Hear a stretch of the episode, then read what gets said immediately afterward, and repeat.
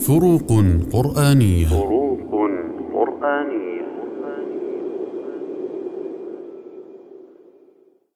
الفرق بين الروح والروح.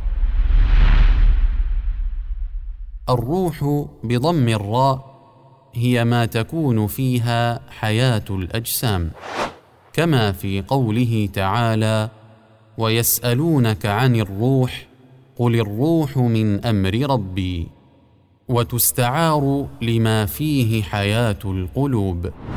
ومن ذلك قوله تعالى وكذلك أوحينا إليك روحا من أمرنا فوصف القرآن بأنه روح لأنه به تحيا النفوس حياة سعيدة طيبة.